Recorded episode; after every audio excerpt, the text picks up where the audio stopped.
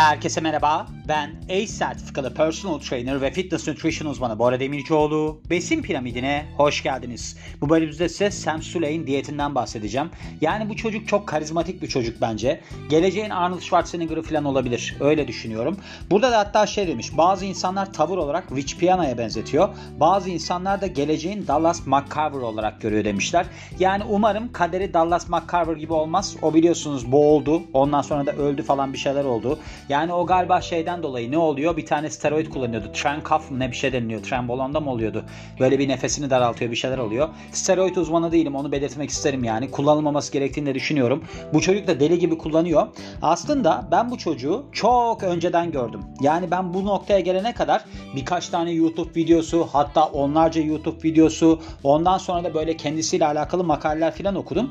Çünkü ben mesela bu çocuğu izliyorum YouTube'da. Geçenlerde şey yapıyordu. Havuza böyle dalıyordu. Bayağı ama artistik şekilde yani böyle bir tramplinden atlıyordu falan. Dedim ki bu çocuk neymiş böyle ya? Yani geçmişinde de bir sporla alakalı durumları var. Dalış falan yapıyormuş. Sonrasında tavrını çok beğeniyorum çocuğun. Yani şöyle aslında bazı durumlarda bir şey yapıyorsanız yapmanız gerekir yani. Hani bir laf vardır ya bir şey yapmanın en iyi yolu onu yapmaktır diye. Bu çocuk göze almış. Şimdi diyorlar ki burada mesela Generation Iron makalesi işte steroidlerle alakalı olarak herhangi bir şey dememesine rağmen Greg Doucette ki Greg Doucette benim çok aslında yer verdiğim bir kişi. Bence çok da akıllı bir insan. O galiba kinesiyoloji ile ilgili bir eğitim almış öyle hatırlıyorum yani.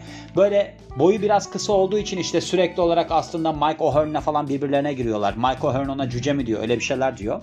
Geçenlerde ben hatta paylaştım. Bir açıklaması benim taraf olmadığım bir açıklama oldu. Olur o kadar. Yani kavga etmeye gerek yok dedim. Greg Doucette şey demişti. Sabah kalktığınızda aç karnına yaptığınız kardiyoyla kahvaltı yaptıktan sonra yaptığınız kardiyo arasında sıfır fark vardır diye bir açıklaması vardı. Yanlış bu. Neden yanlış? Çünkü sabah kalktığınız zaman aslında baktığınızda eğer ki önceki gecede de çok iyi kendinizi ayarlamışsanız glikojen depolarınız boş olduğu için ve yaptığınız aslında kardiyo dediği için söylüyorum. Kardiyo türüne bağlı olarak yağ yakımınız artar. Yani kardiyo aerobik olarak bakarsak aerobik glikoliz, aerobik lipoliz olarak bakarsak eğer ki siz glikojen depolarınızı boşaltırsanız şimdi diyelim ki siz aerobik glikoliz yapıyorsunuz. Aerobik glikoliz yaptığınızda yani enerji sistemi olarak aerobik glikolizi kullandığınızda sadece siz glikojen depolarınızı kullanmıyorsunuz. Neyi de kullanıyorsunuz? Bununla beraber yağ depolarınızı da kullanıyorsunuz. Eğer ki glikojen depolarınız boşsa çoğunlukla yağdan kullanırsınız. Ama tabii ki orada patlayıcı şeyler yaparsanız falan o zaman da kastan yersiniz. Yani kendi kasınızı yakarsınız. Ama genel olarak aç karnına kardiyo yapmak çok doğru bir yaklaşımdır. Ben bunu denedim. Onun için biliyorum. Yani ben bunu bilimsel araştırmalar bilmem nelerle desteklerim. O ayrı konu. Ama ben bunu denedim. Çünkü ben karbonhidrat döngüsü üzerinden gittim. Yani ben dedim ki ben karbonhidrat da alayım işte yemek yedikten sonra kardiyo yapayım falan bakayım ne olacak. Hiçbir şey de olmadı. Ama ben 12-13 gün içerisinde bu karbonhidratı sıfırlayarak yani 50 gramın altında tutarak sabahları da aç karnına kardiyo yaparak çok iyi sonuçlar aldım. E tabi biraz böbrek değerlerim sapıttı. O kadar olur. Ama o noktada katılamıyorum Greg Doucette'e. Yani bu çocuğu ben aslında ilk başta yani çocuk diyorum çünkü biraz yaşı küçük 21 yaşındaymış. Yani çocuk derken genç arkadaşı diyeyim yani. Greg, kendisi sayesinde tanıdım. Greg Doucette sayesinde tanıdım. Şimdi de konuya odaklandım. Çünkü Greg Doucette ilk başta bu çocuğun yani hep çocuk olarak bahsedeceğim kusura bakmayın. Benimle alakalı olarak da çocuk olarak bahsedilmesinden çok hoşlanıyorum. 40 yaşına gelince birisi benimle alakalı çocuk deyince çok bir keyifleniyorum. Yani yaşınız ileri gidince çocuk diye bahsedince çok hoşunuza gidiyor. Onu da belirtmek isterim. Şey diye paylaşmıştı. İşte böyle göğsünde falan acayip sivilceler yani akneler oluştuğundan işte yüzünde böyle acayip sivilceler falan oluştuğundan dolayı deli gibi steroid kullanıyor. 21 yaşında olması ve bu kadar fazla steroid kullanması çok tehlikeli falan diye birkaç kere videolarında yer vermişti. Sonrasında da beslenme şeklini çok eleştirdi. Çünkü gerçekten de bu Sam Suley'in öyle bir beslenme planı var ki yani mesela Mike Manster da böyle çok protein tüketilmesini böyle desteklemiyordu. Hani gerek yok falan diyordu. Hatta Mike Manster'la alakalı ben biyografisinde yapmıştım. Onu dinleyebilirsiniz Besin Piramidinde. Çok da enteresan yaklaşımı olan birisidir. Yani tam takıntılı bir insandır. Biliyorsunuz uyuşturucu bağımlısı falan olmuştu. Eğer ki dinlediyseniz biliyorsunuz yani. Ve bu çocuğun da aslında genel olarak baktığımızda çok protein ağırlıklı bir beslenme kalıbı yok. Ama yine de size olarak bakarsak ki burada şimdi size aktaracağım. Şöyle 110 kilo, boyu 1.80, doğum tarihi 2 Temmuz 2002. Yani 2.7-2002 demiş. Bunlarda biraz gün, ay değişebiliyor. Belki 7 Şubat'tır bilemiyorum yani. Ve dönem olarak bakarsak 2020'lerde meşhur oldu. Yani ben bu çocuğu tanıdım bir sene bile olmuyor. Ve ulusu da Amerikalı. Bu arada makine mühendisliği okuyormuş. Yani bayağı kafalı da bir çocuk. Zaten çok karizmatik bir tavrı var. Onu da söylemem lazım. Yani onun için dikkatimi çekti. Şimdi bizde mesela böyle ülkemizde işte vücut geliştirmeciler falan var. Yani adama baktığınızda böyle bomboş bir adam yani. Hani ben hiçbirini tutmuyorum öyle söyleyeyim size yani. Böyle çoluk çocuk öyle görüntüler görüyorum ben genelde. Neyse burada bir şey görüyorum ama bu çocuğun tavrında işte antrenman yaklaşımında falan bir zeka pırıltısı görüyorum. Yani çoğunlukla vücut geliştirme sporunda maalesef çok gördüğüm bir şey değil bu. Hani rastladığım bir durum değil. Bu çocukta onu görüyorum ama sonra ben okuyunca anladım mesela makine mühendisliği falan okuyormuş. Onun için de yani benim tuttuğum bir insan oldu. Ben genellikle zeki insanları seviyorum. Bakın böyle vücudu çok gelişmiş bilmem ne olmuş yok kalçasının arasında ceviz kırıyormuş. Benim için hiç önemli değildir onlar. Benim için bir insanın kafasının çalışması önemlidir. Bence bu çocuğun kafası çalışıyor ki zaten kafasının çalıştığı şuradan da belli. İçerikleri iyi üretiyor. Bir de bana kalırsa dikkat çekici şeyler yapıyor. Yani nasıl dikkat çekici şeyler yapıyor? Mesela diyor ki ben aslında çalışmamda, antrenman rutinimde omuz çok çalışmam. Yani sırt çalışıyor mesela böyle çoğunlukla. Onun arasına da böyle omuz falan serpiştiriyor. Öyle diyebiliriz yani. Kendisinin çalışmalarını YouTube kanalından görebilirsiniz. TikTok'ta da varmış. Ben TikTok benim için çok alakalı bir platform değil yani. Ben sevmiyorum orayı. Onun için profilim falan da yok. Girmiyorum. Yani bu çocuğun mesela bir göğüs günü var, sırt günü var, bacak günü var. Bir de kol günü var. İşte böyle bir özellikle omuz çalıştığı bir gün yok. Omuzu işte böyle bir serpiştiriyor yani yani aralara. Diyor ki ben bugün diyor biraz da omuz yapayım falan diyor.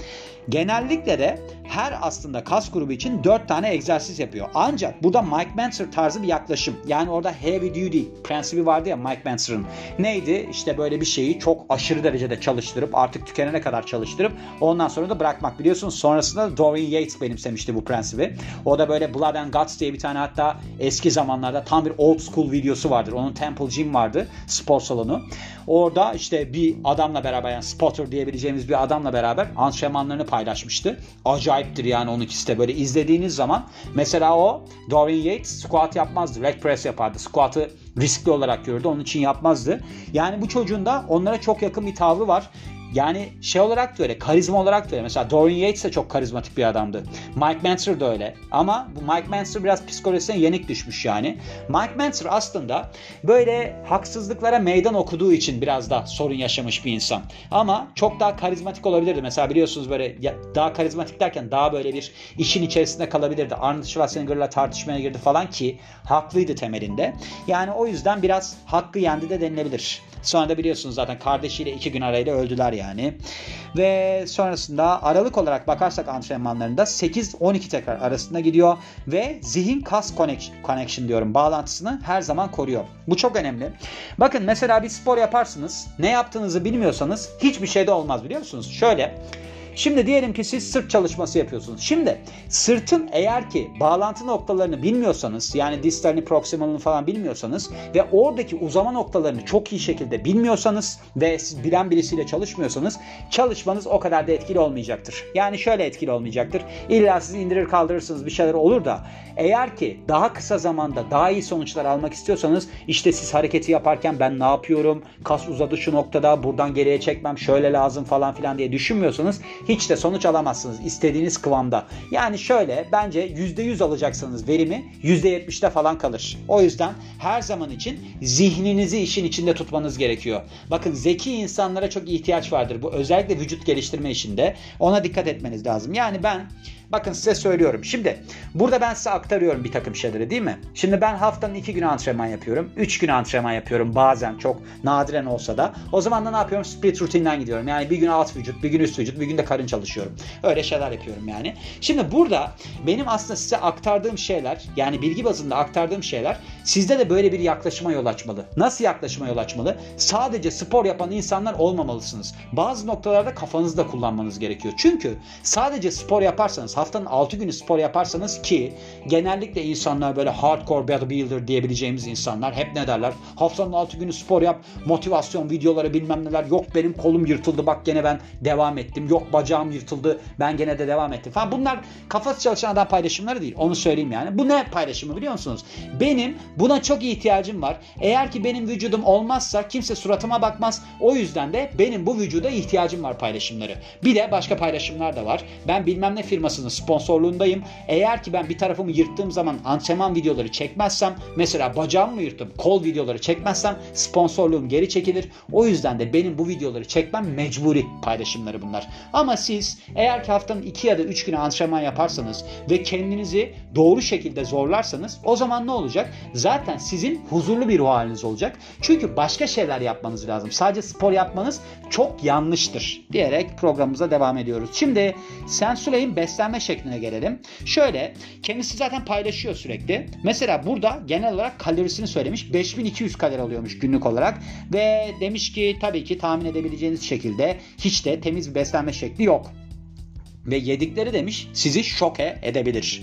Kısaca bakarsak ilk öğünü quart of chocolate milk olarak geçiyor. Yani quart dediği aslında hemen hemen 1 litre.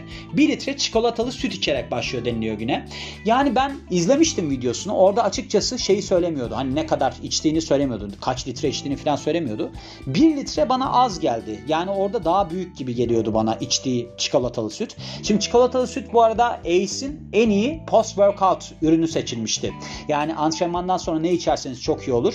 Çikolatalı süt seçilmişti. Ama Ace şeydir yani biraz hani Planet Gym var ya yurt dışında böyle çok eleştiriliyor falan. Planet Fitness hatta. Oraya böyle işte ağırlık böyle hardcore çalışan insanlar gittiği zaman onları dışarı çıkarıyorlar. Bizim salonumuz böyle şeylere izin vermez falan filan gibi yaklaşımları var. Biraz daha Ace böyle hani naziktir. Hani çikolatalı sütünüzü için işte günlük olarak 1.2 gram proteininizi alın kilo başı. Ondan sonra da hayatınıza fit olarak devam edin yaklaşımındadır. Yani böyle bir acayip fizikle alakalı bir şey yoktur. Çok iyi fizikler falan yoktur. Orada genelde hani ben en son paylaştım ya böyle hiç saymadan da kilo verebilir miyiz kalori saymadan. Orada hani ben neydi Joe Wicks'ti değil mi o kişinin adı? Joe Wicks'in hikayesine yer vermiştim aslında. Onun gibi insanlar görürsünüz. İşte çok pozitiftirler. Grup dersleri yaparlar. Birbirlerine top mop atarlar. Öyle şeyleri vardır. Yani ACE'in yaklaşımı da odur. Orada çikolatalı süt en iyi antrenman sonrası ürünü seçilmişti. Şimdi açarsak bunu neden öyle seçildiğine gelirsek yani. Şimdi çikolatalı sütün içerisinde biliyorsunuz protein var yani süt protein var. Onunla beraber aslında karbonhidrat da var. Şimdi karbonhidratın olması eğer ki sporu yaptıktan sonra siz proteine beraber karbonhidrat alırsanız ribozomlarda insülin yani karbonhidrat aldığınızda salgılanan pankreastan insülin neye vesile oluyor? Siz aslında ribozomlarınızı daha fazla protein sentezlemesi açısından teşvik ediyorsunuz. Öyle bir artısı oluyor. E bununla beraber protein kas yapımını sağlıyor. Yani onarımını sağlıyor. Onun için de iyi bir ürün. Şimdi sabah kalktığında öğün olarak baktığımızda çikolatalı süt içmesi şöyle bir şeyden dolayıdır muhtemelen. Sevdiği içindir tadını öncelikle. İkincisi de eğer böyle çok şey olarak bakarsak hani sabah kalktığımızda çikolatalı süt içsek ne olur falan diye. Şimdi çikolatalı süt içtiğinizde dediğim gibi insülin salgılatır yani çikolatalı yani şeker içerdiği için. İnsülin salgılandığı zaman sizin aslında sabah kalktığınızda kortizol hormonu seviyeleriniz yüksek. Zannedersem sabah 8'de en yüksek olması lazım. Yani zaman olarak da bakarsak. Şimdi eğer ki siz böyle bir insülin salgılatırsanız bu sefer ne olacak? Kortizol sizin kan şekeri seviyenizi yükseltiyor. Ama siz eğer ki insülin salgılatırsanız kan şekerinizi çekecektir. Hücrelerde enerji olarak kullanılması için kan şekerinizi düşürecektir. Öyle bir etkisi vardır. Bir de burada işte gece boyunca vücudunuz bir katabolik evrede falan sabah kalktığınızda proteinle böyle bir destek sağlarsanız çok işinize yarayacaktır. Eğer ki ben böyle bir kadın programına falan çıksaydım bana böyle bir şey çıksaydı karşıma. Hocam işte oğlum benim sabah kalktığında çikolatalı süt içiyor. Nedendir deselerdi ben de böyle açıklama yapardım. Yani bilimsel olarak böyle bir açıklama yapabiliriz. İki İkinci öğünü kahvaltılık gevrek ve demiş ki ben demiş ağırlık çalışmadan önce 400 gram karbonhidrat almak istiyorum. Yani bunu bir pre-workout öğünü olarak görebiliriz. Onun için de onu tüketiyormuş. Sonrasında Antrenman sonrası öğünü var. Bu da bir protein shake ve sonrasında bir restoranda arkadaşlarıyla yemek yiyormuş. Bunun ne olduğunu falan söylemiyorlar yani. Öyle bir öğün yiyor. Ve de 5. öğününde günlük olarak arzu ettiği 5000 kaloriye ulaşabilmek için Krispy Kreme donutları yiyor ve de 4 kap yani bu da yaklaşık 250 mililitre yani yine 1 litre süt içiyor. Öyle gününü tamamlıyor.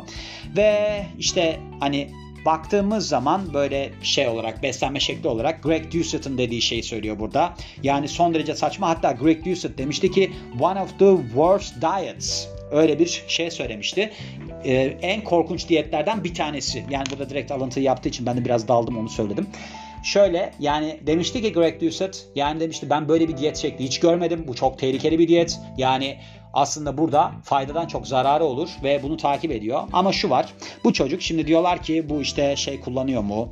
Ne derler? İşte steroid kullanıyor mu falan. Bence bu çok komik yani. Generation Iron çapındaki bir sitenin bunu söylemesi demiş ki yani bununla alakalı herhangi bir bilgi vermiyor.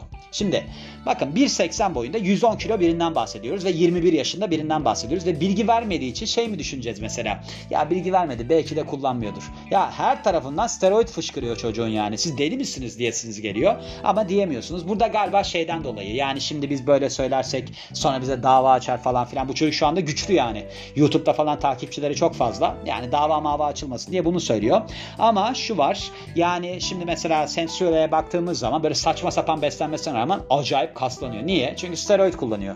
Yani bu steroidlerin ne olduğunu bilmiyorum ama dışarıdan testosteron zaten garanti alıyor. Ben daha önceden bölümde paylaşmıştım. Orada neydi? Mesela kişiler hiç spor yapmadan dışarıdan testosteron aldıklarında gene de kas yapıyorlardı. O yüzden yani bu çocuğun diyeti bilmem nesi hiç önemli değil. Yani adam gibi de çalışıyor aslında. Antrenmanı çok iyi değil. Onu da söylemem lazım. Yani bu çok aşırı derecede iyi. Ne bileyim range of motion'a, hareket açıklığına çok dikkat ettiği bir antrenman şekli falan yok. Ama gene de orada gık dese zaten kas olacak. Onun için de hani yeterli miktarda şey alıyor, steroid alıyor ve bununla beraber de deli gibi kalori alıyor. E tabii ki hacim nedir? Bir de böyle yağsız şekilde de kalıyor. E niye? Çünkü onlardan mesela bugün şey aklıma geldi. Çoğu bu dinamit denilen bir şey vardı. Hatta DNP galiba onun şeyi ben bölümünde yapmıştım. Çok ilgilenmediğim için gene de steroiddir yani. Şeye baktım ben. Bu CBAM var ya Chris Bumstead. Onun şey var bu buz dolu şeyin içine giriyorlar. Sürekli şey kullandım ama küvetin içine giriyorlar ya öyle bir şey var spordan sonra işte iltihaplanmayı düşürsün falan diye. Adam giriyor böyle bayağı duruyor. Neyse normal birini sokmuşlar geçen gün onun içine o buzun içine. Adam böyle şey olmuş yani komaya falan girecek neredeyse şok geçiriyor. Acayip donmuş böyle. Yani zor bela çıkarıyorlar suyun içerisinden. Yani hipotermi gelişiyor resmen. Düşündüm dedim ki ya dedim bu adam bayağı kalıyor. Çünkü ben şimdi Rusça'ya da hakim olduğum için ben Rus siteleri de takip ediyorum. Orada hep böyle motivasyon videolarında o adam var işte. Bazıları işte böyle erkek olmaya çalışır. Yok bazıları da erkek doğar falan gibi. Adam böyle buzun içine oturmuş böyle. Chris Bumstead böyle hiç gıkını çıkarmıyor. Birileri de hemen suyun içinden çıkıyor filan. Düşündüm dedim ki şimdi bu DNP dedikleri şey de vücut ısısı çok yükselir. Vücut ısısı çok yükselir. Yani yağ dayanar. Metabolizma uçar yani. Hatta Türk bir sporcu, vücut geliştirmeci. Bundan dolayı ölmüştü. Ve eşi de demişti ki Halbuki demişti doktorların hatası 48 saat boyunca soğuk suyun içinde bekleseymiş kurtarılabiliyormuş. Şimdi böyle bir yaklaşım varsa tabii ki yanlış zaten de bu adam bence vücut ısısı çok yükseldiği için acayip derecede steroidler falan kullandığı için ona dayanabiliyor. Ama hiç girmedim ben böyle bir soğuk suyun içerisine. Yani girsem ben durabilir miyim? Hiç zannetmiyorum.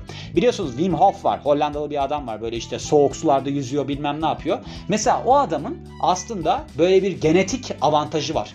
Yani vücudundaki aslında beyaz yağ hücreleri çok hızlı kahverengiye dönüşebiliyor. Kahverengiye dönüştüğü zaman da hızla yanıyor. O zaman da enerji olarak kullanılabiliyor ki onun da retinası falan donmuştu yani. Şimdi ben onları düşünüyorum. Şimdi bu çocuk da yani acayip derecede saçma sapan besleniyor ama acayip kaslı. Ama cildi de çok bozuk. Bir de kafasından çıkarmadığı bir şapkası var. Saçları da uzun görünüyor. Hiç kafasından şapkayı çıkardığını görmedim. Bilmiyorum. Saçları da dökülebilir yani. Belki de dökülmüştür onun için çıkarmıyor. Biliyorsunuz onların da genelde böyle bir şapka takma takıntısı vardır yani. Hatta bir tane çok meşhur var Bradley Martin diye. Onun sürekli kafasında bir şapka var. Şey diyorlar işte saçı döküldüğü için onu gizlemek için şapka takıyor diye. Yani genelde öyle şeyler olabiliyor. Onun için de yani bu çocuğun mesela beslenme şeklinin çok bozuk olması, yarım yamalak antrenman yapması, steroid kullandığı sürece bir sorun teşkil etmiyor. Ama ben bunu de, deneyeyim, steroidle ilgili açıklaması yok. Doğal mıdır diye soruyorsanız değil.